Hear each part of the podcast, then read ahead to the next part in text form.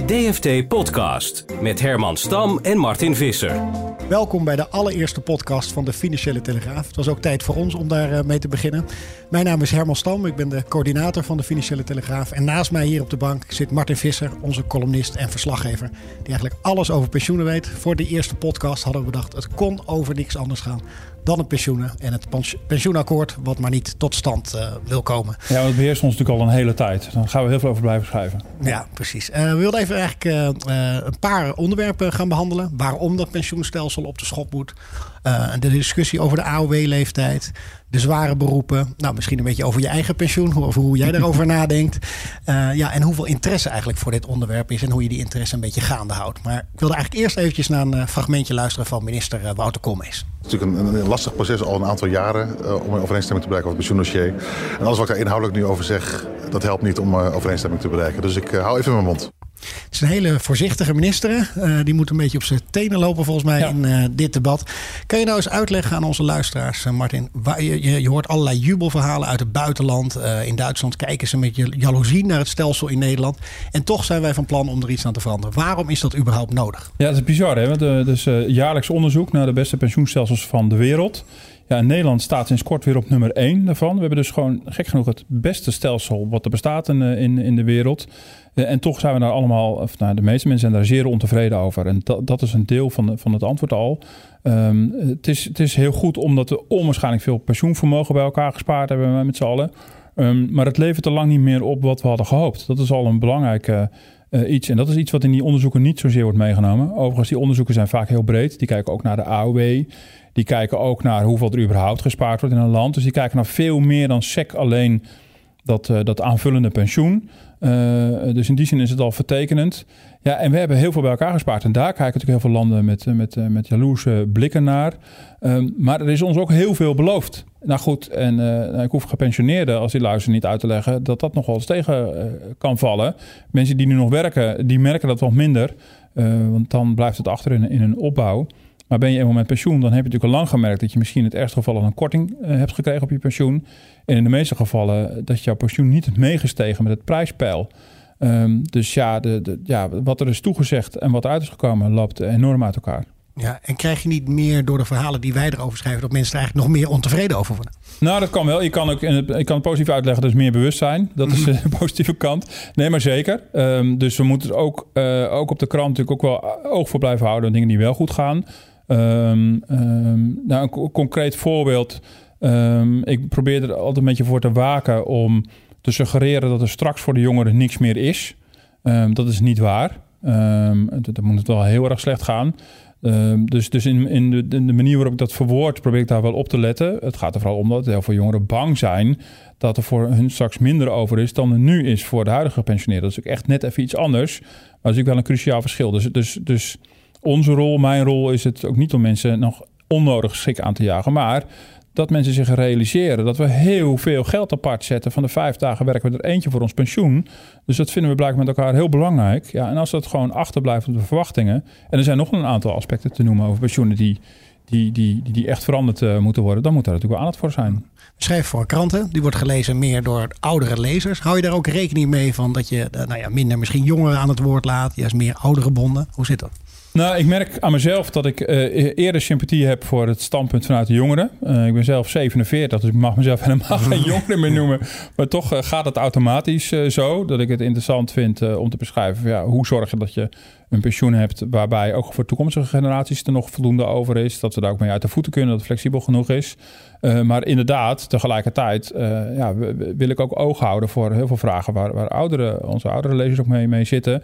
En daar inderdaad ook wel recht, uh, recht aan doen. Dus ja, ik, doe, ik probeer het op te lossen door, door nou, de, de veelzijdigheid aan stemmen in het, in, het, in het debat ook aan het woord te laten. En niet op voorhand te denken, ja, ik ben het er niet mee eens. Dus die meneer of mevrouw mag zijn zegje niet doen. Dat lijkt me, dat lijkt me ook journalistiek heel erg raar. Dus daar, daar hou ik wel rekening mee aan. Ja. zit hier in het uh, Telegraafgebouw. Er zijn hier ook af en toe uh, rondleidingen. Er ja. komen lezers uh, langslopen. Word je er ook zelf vaak op aangesproken van hoe die discussie gaat? Zeker, zeker. En we hebben hier twee keer in de week hebben rondleidingen. Het is ongelooflijk leuk dat, dat we de lezers ook gewoon over onze vloer zien lopen. En dus, dus die kunnen ook zien hoe wij werken. En na afloop is er altijd iemand van de redactie die dan ook nog een praatje mag houden. Ik doe dat ook soms. En pensioen is daarbij een, een, een mooi onderwerp. En dan krijg je ook een beetje gevoel voor de emotie. ik vind het altijd wel heel erg interessant om te merken dat als je dat, dat misschien sommige oudere lezers wat makkelijk mee kunnen in het sentiment van 50 plus en Henk Krol. Ehm, en dat is vooral als ze denken aan hun eigen pensioen. Maar als ik dan vervolgens de vraag voorleg, maar hoe wilt u dat uw pensioen van uw kinderen en ook vooral nu kleinkinderen eruit ziet? dat, dat, dat de discussie ineens veel minder geharnast is. Mhm. En er al heel snel ruimte is voor, eh, voor, voor discussie hierover. En dat denk ik heel veel mensen zich echt wel realiseren. Ondanks de teleurstelling over hun eigen pensioen, dat er echt iets moet gebeuren, ook voor hun kinderen en kleinkinderen. En dat krijg ik ook mee uit die rondleidingen. Even terug naar dat fragment van Wouter Koolmees. We hadden het over uh, op eieren lopen. Uh, uh, waarin zie je dat? Hoe, hoe stelt hij zich nu op? Ja, nou dit was een fragment uh, vlak nadat uh, een conceptakkoord was gelekt bij ons in de krant, uh, vlak, vlak voor de zomer. En um, toen zei hij er echt helemaal niks over. Je ziet nu na de zomer dat het gaandeweg aan het veranderen is. Hij begint ook zijn piketpalen te slaan, het ongeduld neemt toe. Um, maar je ziet dat hij inhoudelijk op afstand blijft. In het regeerakkoord staat in grote lijnen welke kant het op zou moeten volgens het kabinet. En verder probeert Koolmees zich daar zo min mogelijk in te mengen. En heel af en toe kiest hij de publiciteit, maar heel terughoudend. Dat geldt overigens ook voor de andere onderhandelaars. Het werkt niet zo voor jou dat je nu een interview met hem kan aanvragen over het uh, pensioenstelsel. Nee, kansloos. Kansloos. Nee, dus uh, nee, dat, dat, dat zal hij niet doen. Je ziet wel dat eh, de FNV af en toe wat roept uh, in de publiciteit over pensioenen, maar ook eigenlijk nog heel, heel terughoudend. Dus ook bijna alle betrokkenen zijn heel voorzichtig, omdat ze wel zien hoe precair de situatie is. En wat maakt het precies zo moeilijk voor Koolmees? Nou, voor Koolmees is het lastig dat hij eigenlijk uh, nou, nagenoeg geheel afhankelijk is van werkgevers en vakbonden. Een pensioen is een arbeidsvoorwaarde. Dat is eigenlijk dat is van de polder. Uh, het is niet van hem, zeg maar. Kijk, het ontslagrecht kan hij op eigen houtje via wetgeving gewoon aanpassen.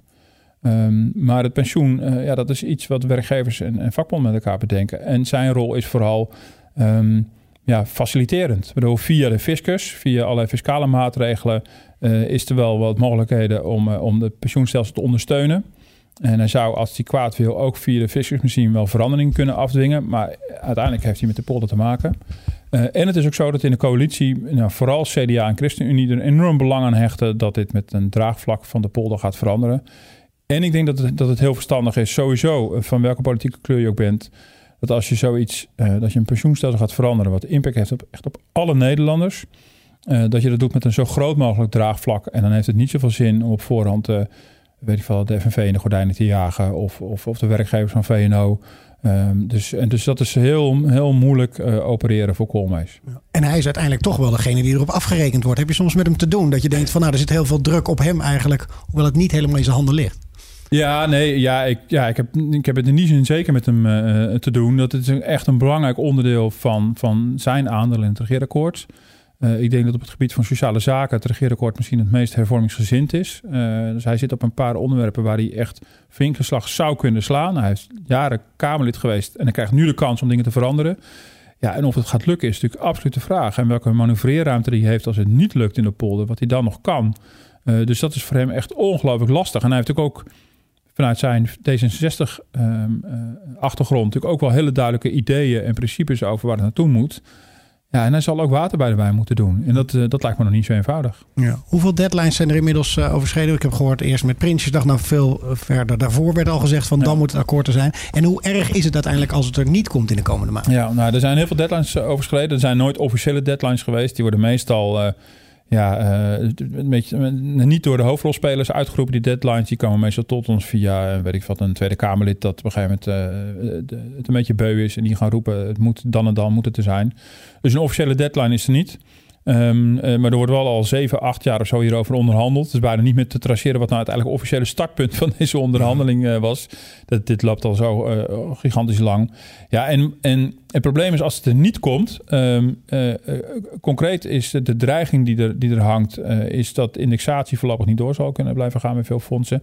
En dat er een paar grote fondsen misschien moeten gaan korten. volgend jaar wordt cruciaal, dan wordt dat gemeten. Ze hebben allemaal herstelplannen. Ze moeten allemaal herstellen van, van de crisis. En als het niet snel genoeg gaat, dan komt er een afrekenmoment. In euro stelt het niet heel gek veel voor waarschijnlijk. Maar de psychologische impact daarvan is natuurlijk wel groot. Ja, en eerlijk gezegd, veel belangrijker vind ik nog, is dat wij nu een pensioenstelsel hebben dat perfect past op de 20e eeuw. Maar misschien is het wel fijn om zo langzamerhand een stelsel te hebben wat op de 21e eeuw past. Wat het niet ontmoedigt om tussentijds ZZP'er te worden of van baan te wisselen. Um, wat ervoor zorgt dat we als jongeren niet meer te veel premie betalen en ouderen te weinig. Uh, er zijn natuurlijk heel veel haken en ogen aan het huidige stelsel. En dat moet echt wel gebeuren. En dat is iets wat niet per se morgen moet, maar wel een keer moet gebeuren. En het is wel het politieke momentum. Het is vrij uniek dat we een coalitie van vier partijen hebben die het eens zijn geworden over deze vergaande vorming uh, van pensioenen. Dus dat moet je aangrijpen op dat moment. Ja, uh, je hebt het over al die belangenpartijen. Uh, ik vraag me af, vind jij dat, dat die gesprekken gaan veel in de serre in, in Den Haag? Ja. Zijn de juiste partijen daar aangeschoven om hierover te spreken? Nou ja, daar begin ik wel steeds meer over te twijfelen. Um, um, uh, ik, ik, heb al eens een keer een praatje mogen houden bij, uh, bij, uh, bij een grote pensioenfonds. Er zaten allemaal van die bestuurders daar ook. En het moest een column zijn, een beetje prikkelend. En toen heb ik als, prikkelend als prikkelende stelling neergelegd van... ik vind eigenlijk dat de polder niet meer over pensioenen zou moeten gaan. Die zou het moeten nationaliseren. Nou, dat vond ik natuurlijk niet echt. Want ik denk niet dat dat nationaliseren van de, van de, van de pensioenen de oplossing is. Maar het is natuurlijk wel de vraag, als, als, als de polder, zoals we het dan maar noemen, niet meer in staat is om, om, om mee te bewegen met de grote veranderingen in, in, in, de, in de maatschappij, in de arbeidsmarkt. Uh, in hoe te, jongeren tegen pensioen aankijken. Als ze dat niet meer kunnen, is het dan daar nog wel in goede handen.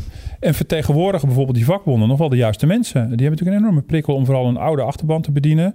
Uh, dus dat vind ik serieus vind ik echt een, vind ik echt een dilemma. En dat los je niet op door. De symbolisch een jongerenorganisatie bij te zetten. Dat is, uh, dus ik weet ook niet zo goed hoe je dat moet, moet oplossen. Maar dat is wel een, en dat is een breder probleem dan pensioen uh, overigens. Want het arbeidsmarktvraagstuk uh, kwamen ze ook niet uit. Dat hebben ze vorig jaar uit hun handen laten kletteren. En dat is wel problematisch, want Nederland is nog wel zo georganiseerd dat we grote veranderingen graag via die polderinstituties doen. Maar dat, dat, dat, dat loopt niet meer, dat marcheert niet meer. En dat zorgt voor stilstand. Dat lijkt me heel gevaarlijk. Ja. Even over al die belangenpartijen. Je had het net over een jongere partij. We gaan eventjes luisteren naar een wat uh, oudere partij. Uh, de oudere partij. Henk Krol en Rob de Brouwer, de pensioenspecialist die samen in gesprek zijn. Want wat zijn we nu eigenlijk aan het doen? We zijn nu mensen aan het dwingen om langer door te werken. Terwijl er geen werk is voor 50-plussers, 55-plussers. En terwijl er jongerenwerkeloosheid is. Dus wat is eigenlijk het probleem wat we hiermee proberen op te lossen? U hoort het als u wilt dat 65 weer gewoon 65 wordt, dat jongeren makkelijker een baan kunnen vinden en dat ouderen niet onnodig in de bijstand komen, stem dan 50 plus straks op 15 maart. Nou, ik zie je al een beetje lachen, Martin. Dit zijn natuurlijk partijen waar je ja. veel mee te maken hebt. Die druk ook op jou uitvoeren. Ja. Van joh, uh, de, hoe kijk je hier tegenaan, tegen dit soort campagneclips? Nou, dit, ja, ik, ik word hier heel moedeloos van. Nou, uh, ik vind het zo'n verliesstrategie. Want wat ze eigenlijk zeggen is voor de oudere werknemer is toch geen plek op de arbeidsmarkt. Dus laat ze maar, uh, stop ze maar de AOW in. Daar heb ik grote moeite mee. Net zo goed als ik er grote moeite mee heb dat de vakbonden ook in die onderhandelingen ook willen dat allerlei boetes van tafel gaan die nu moeten voorkomen dat met name ouderen ontslagen worden bij reorganisaties. we hadden natuurlijk vroeger de FUT, die bestaat gelukkig niet meer. Um, en toen werden ouderen gewoon, de, waren de eerste de sjaak als, als een bedrijf op de schop ging. Dat mag allemaal niet meer, dat wordt beboet. En de, de vakbonden willen er vanaf 50 plus wil blijkbaar ook gewoon 65 wordt 65, want die moeten toch plaatsmaken voor jongeren. Ik probeer met, uh, juist met aandacht ook voor de ouderen, ook voor onze oudere lezers, steeds maar weer op te schrijven uh, ga nou uit van het belang van ouderen. We kunnen oudere werknemers met ervaring, met levenservaring, werkervaring ongelooflijk goed gebruiken in bedrijven. En het is uh, de taak aan, in ieder geval die mensen zelf, maar vooral ook aan de werkgevers en bedrijfsleven om, om die talenten in te blijven zetten, om daar wat mee te doen. En nu, dit zijn partijen die nemen op voorhand hun verlies. Die accepteren blijkbaar dat we oudere werknemers dan maar lozen. Uh, dat vind ik, ik vind het onbegrijpelijk. Ik vind als je, als je een oudere partij bent, moet je staan voor het belang van die ouderen. Er zijn Kijk, weet je, uh, we gaan het ook nog over de zware beroepen hebben. Natuurlijk snap ik wel dat sommige mensen fysiek het gewoon niet halen. Dat is echt een, echt een probleem. Maar er zijn ongelooflijk veel ouderen die vitaal naar de eindstep uh, kunnen. En als het nog niet gebeurt, zouden moeten kunnen. En daarmee geholpen moeten worden. Dit, dit vind ik, ik vind het echt een hele slechte zaak dat dit de teneur is aan de kant van mensen die op moeten komen voor de belangen van ouderen. Want dat doen ze dus niet. Even, even over jouw rol daar zelf in. Hè? Uh, de oudere partij zal contact met je hebben, werkgevers, werknemers. Hoe hou je je objectiviteit erin? En hoe kan je, hoe kan je oordelen van ja, dit is wel iets voor de krant, dit is iets voor de website? Uh, ja. Want je wordt natuurlijk enorm bespeeld. Ja, wordt, de discussie wordt steeds fanatieker ja. en ja, wordt groter. Enorm bestookt. Um, uh, het liefst wordt natuurlijk bestookt met gewoon echt interessant nieuws. Maar mensen worden je bestookt met allerlei meningen. En als we het weer eens niet goed op zouden hebben geschreven, ik word heel veel gemaild door allerlei verontruste ouderen en dat ik het allemaal verkeerd zie aan de, niet aan de juiste mensen uh, de, microfoon door de neus duw. Uh, ja, dat moet je toch proberen om ook gewoon met elkaar, met collega's op de redactie, gewoon met elkaar oog voor te hebben. Laten we alle stemmen aan het woord. Uh, en, en als we mensen aan het woord laten, zijn we dan kritisch genoeg? Zijn we scherp genoeg? Hebben we alle belangen in de gaten? Blijven niet in, in, één, in, in één kant doorgaan, in één straatje? Uh, uh, dus ja, dat probeer ik wel, wel af te wegen. Dus ik vind het wel belangrijk dat mensen blijven reageren. En um, dat, je, dat je je daarmee ook een soort van moet verantwoorden steeds. Dus uh, goed, ja, de 50PLUS die, die zit nog wel eens, hangt wel eens in de e-mail en, uh, of aan, aan de telefoon. En die kan ik allemaal doorverwijzen naar de parlementaire redactie. dus dat is heel fijn. Dus, ja, ik doe geen politiek. Dus, maar goed, dat doe je eigenlijk wel. Zoek je hel maar bij, in, bij de collega's in Den Haag. Nee, maar natuurlijk krijg je zulke belangenpartijen allemaal, allemaal langs. En je moet ze wegen. En... Um, ja, ik, dus ik, wil, ik, ja, ik doe hard mijn best om wel iedereen goed te informeren. En daarnaast, als krant, uh, geven we ook steeds natuurlijk meer duiding bij, bij wat er gebeurt. Dus uh, we proberen dat natuurlijk wel te scheiden, dat het duidelijk is: dit is een nieuwsverhaal, dit is een objectief nieuwsverhaal. En dit is een verhaal met analyse en duiding. En daar zit al eigen interpretatie in. Nou, tot aan een column aan toe. Daar zit echt gewoon eigen mening in. En zeker als je al die genres doet, is het wel zaak om per onderdeel gewoon dat gewoon goed te bewaken. En ik vind zelf ook het debat interessant. Kijk, ik, ik vind niet per se één mening relevant. Ik bedoel, uh, dat zou eigenlijk heel saai worden. Dus ik vind het veel leuker als het allemaal veel, veel, kleurig, uh, veel kleuriger is. Ja. Ja. Hoe gaat het praktisch? Ik weet nog uit mijn eigen tijd dat ik uh, die verslaggeving ook deed bij de SER. wacht je daar buiten bij dat gouden gebouw? Of sta je ergens te, te posten? Hoe doe je dat? Nou, de posten bij de SER, dat, dat, dat, dat, doen we bijna gelukkig niet meer. Want dat is, nou goed, dat is geen feest. vroeger werd er zelfs gepost bij CO-onderhandelingen. Dat gebeurt ook allemaal niet meer. En uh, nou ja, misschien dat het als het echt in een eindfase komt en we weten of het, uh, of het in een sergebouw zit, dat, dat, dat, we dat misschien weer wel gaan doen. Dus, dus het is niet zo dat we het nooit meer doen. Maar dus dan, dat moment zou er nog wel, wel aan kunnen komen. Ja, het is nu in deze fase vooral heel veel bellen en, en, en whatsappen en rondbellen en weer. nou, af en toe word ik er zelfs een beetje moe van, nou hallo, daar ben ik weer.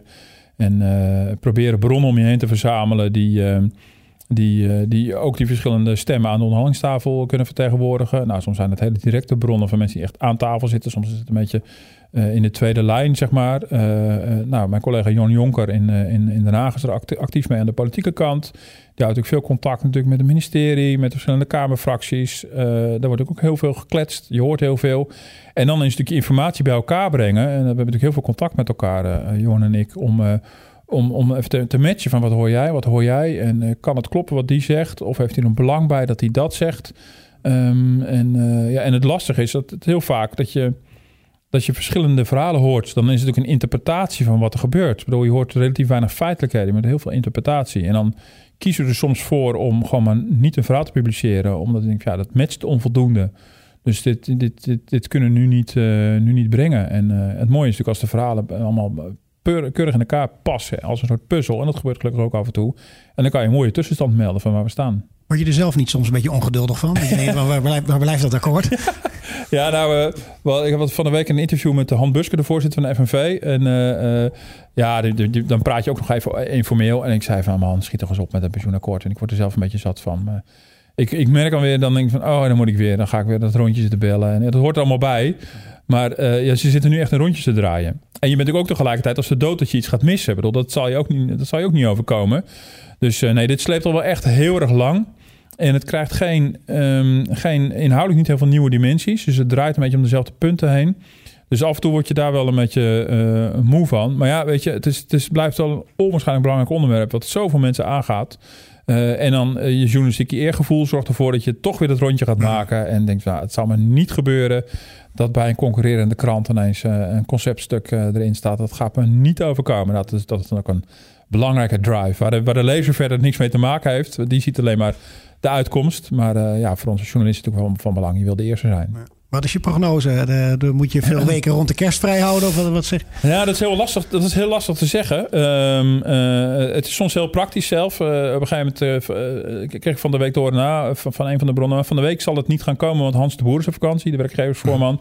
En Mariette Hamer, de voorzitter van SER, zou ook op een gegeven moment. Daar moet je ook allemaal rekening mee houden. Daar moet je ook allemaal, rekening mee houden. Want dan kunnen ze misschien achter de schermen ver komen, maar dan kan het nooit afgetikt worden, zeg maar. Uh, dus soms gaat het zelfs op, op, op, dat niveau. En verder, ja, ik ben ook met het proces bezig om in de gaten te houden van hoe zorg ik ervoor dat ik dat je niet op een gegeven moment een stap mist. Of dat je denkt van, oh, uh, ze zijn, het, het is ineens in, in een versnelling gekomen. Ja, en als je gewoon inhoudelijk kijkt, kan het nog eindeloos duren. Er komen in het voorjaar uh, statenverkiezingen aan. En dat, dat leidt dan straks tot een nieuwe Eerste Kamer, waarmee de, de politieke kaarten opnieuw zijn geschud. Mhm. Dus het zou best kunnen zijn dat op een gegeven moment alle betrokkenen denken van nou, we wachten misschien daar even op, want dat biedt of weer nieuwe kansen uh, of niet natuurlijk. Um, dus, dus dat kan ook zomaar. Dus ik heb nog geen enkele betrokkenen gemerkt die zoiets heeft van nou, als het dan niet rond is, dan stoppen ermee. Maar tegelijkertijd merk je nu ook wel dat iedereen zich begint voor te bereiden op een soort plan B. Van wat als dit niet lukt. Uh, Hans de Boer natuurlijk de voorzitter van de werkgevers. En uh, Mariette Hamer van de SER, waar je allemaal veel mee te maken hebt ja. voor de luisteraar. Uh, we hadden het al wat over de, de, de zware beroepen. Er worden als pleidooien gedaan van na 45 jaar is het gewoon wel mooi genoeg. Nou, we hebben een fragmentje van Omroep Brabant van stratenmaker Hans van Loesbroek. Die na 5, 52 jaar werken met pensioen mocht. Dit is hem dan, de allerlaatste steen die Hans van Loosbroek gaat leggen. Zijn eigen tegel in de showroom van het wegenbouwbedrijf waar hij 33 jaar heeft gewerkt. Ja, hoe voelt dat nou, de allerlaatste steen leggen? Nou, hoe voelt het nou? Ik kan het eigenlijk nog niet bevatten. Toen hij 13 jaar was, legde hij de eerste stenen. Nu is hij bijna 66 en mag hij stoppen met straat te maken. Ik heb er eigenlijk niet zoveel erg in, want uh, het is eigenlijk, ja... Ik heb het altijd gedaan. Ja, dit fragmentje heb ik ook op YouTube gezien. Het is nog een hele kwieke man die ja. volgens mij heel veel plezier in zijn werk had. Maar je hebt soms natuurlijk wel eens te doen met mensen hè, die zo lang moeten doorwerken in dit soort uh, zware beroepen. Ja, nee, ja. Zeg eens even hoe je in die discussie staat. Nou ja, dat vind ik echt wel een serieus issue. En daar is eigenlijk ook vervelend genoeg vooralsnog geen goede oplossing voor. Um, we hebben in, in Nederland heel lang meegewacht om de pensioenleeftijd te verhogen, de AOW-leeftijd. En uh, heel lang was het politiek taboe. Terwijl het natuurlijk al duidelijk was dat het noodzakelijk was. De AOW bestaat sinds 1957 en is toen op 65 jaar geprikt. En inmiddels is de levensverwachting uh, uh, gigantisch gestegen. Hartstikke goed nieuws natuurlijk. Maar de verhouding tussen het aantal gewerkte jaren en het aantal jaren dat je van je pensioen geniet is helemaal uit het lood geslagen. Daar moest iets aan gebeuren. En ja, we hebben, we hebben met elkaar steeds politici gekozen die, uh, die, die daar niks aan durfden te doen. En toen het eenmaal gebeurde, moest het ineens heel snel. Dus er is een generatie mensen die uh, relatief overvallen is door de snelheid waarmee die leeftijd omhoog gaat. En dat is echt wel een issue. Want uh, nou, dit is iemand die, die, die, die vrolijk nog zijn stenen draagt. En die zegt, de tijd is voorbij gevlogen, al die, al die, die tientallen jaren. Maar er zijn natuurlijk heel veel gevallen van mensen die, die bijna de eindstreep niet kunnen halen. En dat is echt wel een, een, een, serieus punt. ik denk dat daar ook de vakbonden een punt hebben als ze, als ze dat inbrengen in de pensioen, uh, pensioenonderhandelingen. Alleen zij willen dat oplossen door de, de hele AOW-leeftijd te bevriezen. Dat lijkt me weer een beetje. Ja, dat lijkt me niet zo verstandig. Maar dat je iets probeert te doen voor die leeftijdscategorie, dat begrijp ik wel, ja. Die, die, die vakbonden die vrij geharnast in staan, hè, die staan ook met andere, met de rekenrente bijvoorbeeld heel geharnast erin. Ja. Maakt dat de discussie nog moeilijker tussen die twee partijen om zo je standpunt van tevoren al uh, nou ja, weg te geven? Ja, nou, um, ja, op zich begrijp ik het ook wel. Wat ik, wat ik bij de FNV wel lastig vind, is dat ze tegelijkertijd ook actie voeren. Ze hebben ook acties uh, Red ons pensioenstelsel. Ja, als ik dat op Twitter voorbij zie komen, antwoord ik altijd: dat moeten jullie doen, want het pensioen is voor jullie. Dus uh, red het voor ons, alsjeblieft. Dus zij voeren actie tegen zichzelf. Uh, uh, zeg ik wel eens gekscherend. Vinden ze gek genoeg helemaal niet leuk als ik, als ik dat twitter. maar uh, um, nee, maar dat zij hun standpunt naar buiten brengen is natuurlijk wel logisch. Je hebt een onderhandelingsinzet.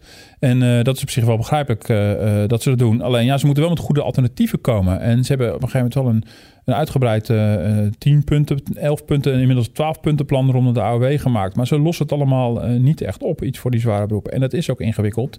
En je ziet dat daar Wouter Koolmees ook eigenlijk ook niks te bieden heeft op. En dat is wel, vind ik wel, dat vind ik wel tragisch hoor. Ook zelfs het Centraal Planbureau, nou toch ook wel vrij strenge rekenmeester normaal gesproken heeft erkend dat, dat een, een, een, een, generatie oudere werknemers ja, echt onvoorbereid nu, nu op een hogere leeftijd afsteven, dat je daar iets mee moet. Ja, voor, voor, voor zo'n man, zo'n Hans van eh, Loesbroek, zo'n stratenmaker. Hè, eh, eh, is dat niet eigenlijk heel simpel te regelen? Om gewoon te kijken van, joh, 45 jaar geleden begon je en dan kan je nu stoppen. Waar, waar zit het probleem dan in? Nou, het probleem zit hem, ehm, dat zou je met de AOW bijvoorbeeld wel, wel kunnen doen. Het probleem zit hem heel praktisch dat we, dat we niet gegarandeerd van alle Nederlanders hun exacte arbeidsverleden hebben. Ehm, eh, dat is dan wel een probleem. Dus als je, eh, maar dat is toch best merkwaardig dat we dat sowieso niet hebben. Ja, nou, maar dat komt ook omdat onze AOW ook niet gebaseerd is op ons arbeidsverleden. Dat komt dus. de- de- kijk, in, eh, in, in België bijvoorbeeld kennen ze het allemaal wel. Daar hebben ze het arbeidsverleden wel. Omdat die regeling was erop gebaseerd. Wij hebben in die zin een hele simpele, maar ook mooie AOW. Dat is namelijk een regeling voor iedereen. Voor alle mensen die in Nederland hebben gewoond. Als je 50 jaar onafgebroken in Nederland hebt gewoond, of je nou werkte of niet, heb je recht op AOW. Dat staat dus helemaal los van of je wel of niet eh, gewerkt hebt. Dat weet ik allemaal. Als je naar het buitenland verhuist, dan moet je dat gat eh, eh, dichten. Maar woon je hier, heb je recht op AOW. Dus een prachtige regeling. De keerzijde is dat je dus ook niet zomaar mensen vervroegd AOW kan geven op basis van de gewerkte jaren. Dus dat is praktisch al een probleem. En de andere kant is, dan gaan we ook het karakter van de AOW wel enorm veranderen. De vraag is of we dat moeten willen. We maken van een algemene regeling, een generieke regeling voor iedereen, die makkelijk uitvoerbaar is, iets veel ingewikkelders. Dat is ook de vraag of je dat eh, moet willen. Maar ja, natuurlijk klinkt het sympathiek om, om iedereen na 45 jaar werken recht te geven op AOW. Dat klinkt wel sympathiek, maar dat is, dat is niet meteen uit te voeren. Dat, daar kunnen we ingroeien. Want vanaf een zeker moment heeft het UWV onder andere en de fiscus dat wel bijgehouden, het arbeidsverleden. Ehm, maar daar hebben de, de, de mensen die nu klem zitten, hebben daar niks aan. We hebben nog een beetje weinig gehad over een andere groep, hè, de ZZP'er, die ook Ja. heel belangrijk is eh, in deze discussie, ook een veranderende economie. Daar wilde ik ook eerst eventjes een eh, fragmentje voor laten horen. Ja, en, en ook heel leuk dat er allerlei zelfstandige pensioenpotjes en dat je het allemaal zelf kunt gaan regelen. Maar wij, ja, als je naar de feiten kijkt, dan zie je dat ja, omgaan met je pensioen, dingen regelen voor je pensioen, dat, dat zit gewoon niet in onze aard. We zijn allemaal vandaag druk en we willen vandaag dingen doen. Er zijn er maar weinigen die echt heel erg goed aan de gang gaan met hun geld voor later. En ja, dat, dat willen we echt meegeven aan die pensioenindustrie. Van ja, ehm, je kunt wel gaan vertellen dat we het allemaal zelf moeten gaan regelen. Maar ja, wij geloven er niet in dat dat heel veel gaat helpen. Ja, dit was eh, Gabrielle Betonville van het uh, Nibutte. Uh, nou ja, ze zegt eigenlijk ook van we zijn er ook nog niet zo erg geïnteresseerd in jongeren. Nee. Hoe, hoe komt dat dat er zo weinig interesse voor is? Nou, omdat het best wel ingewikkeld is. Um, en uh, nou goed, dat zie ik ook aan mezelf. Ik, bedoel, ik schrijf wel over pensioenen, maar vind, uh, bedoel, ik heb altijd in loondienst gewerkt. Dus ik ga ervan uit dat het wel ongeveer goed zal zitten. Dus het is best wel ingewikkeld om dat ook voor jezelf helemaal te overzien. Het gaat ook over een hele lange periode. Um, nou goed, ben je in loondienst, dan heb je in veel gevallen ben je verplicht onderdeel van een pensioenregeling. Dus dan valt er ook niet zoveel te kiezen. Dus dan is er ook niet heel veel aanleiding om, om daar heel mee bezig te gaan. Want je hebt toch geen keuzemogelijkheid, je zit vast. Um, maar inderdaad ben je ZZP'er, je moet het helemaal zelf regelen. Dan moet je er echt wel goed in verdiepen. En dan moet je ook, je, ja, ook een, een poging wagen om je hele loopbaan te overzien. Sterker nog, je hele leven te overzien. Mm-hmm. Dat is natuurlijk echt wel ingewikkeld. Uh, ik denk dat je misschien met een financieel planner een end komt. Um, overigens hoor ik hier nog wel een misverstand in dit fragment, wat ik wel even vermeld wil hebben.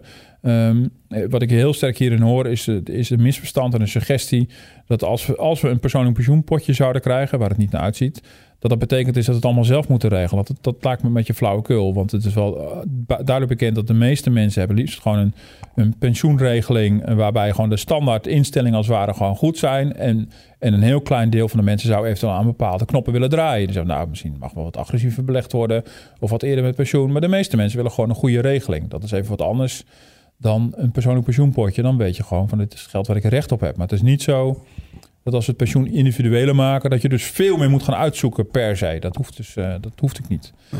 En, voor, en voor zelfstandigen blijkt natuurlijk, voor, voor zelfstandige ZZP'ers is het probleem dat het uh, vooral heel duur is.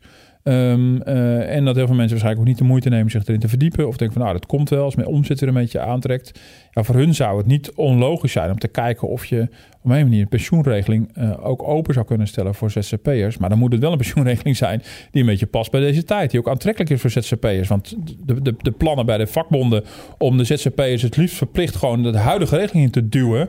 Ja, dat lijkt me natuurlijk echt heel erg ongewenst. Nou, dan maak je voor mij het draagvlak voor het pensioenstelsel alleen maar kleiner in plaats van groter. Hey, eh, Martin, eh, tot slot, ik maak me wel een beetje zorgen als ik zelfs van jou hoor dat jij dus eigenlijk je eigen pensioen helemaal niet zo goed weet hoe dat eh, werkt. Klopt dat echt? Nou ja, dat, dat, ik vind het echt wel. Het is, het is best wel. Natuurlijk, je kan er wat nakijken. Hè, mijn pensioenoverzicht.nl. En, en, en in de loop van de jaren langzamerhand zie je dat pensioenfonds ook beter communiceren. Dat het, dat het al begrijpelijker wordt.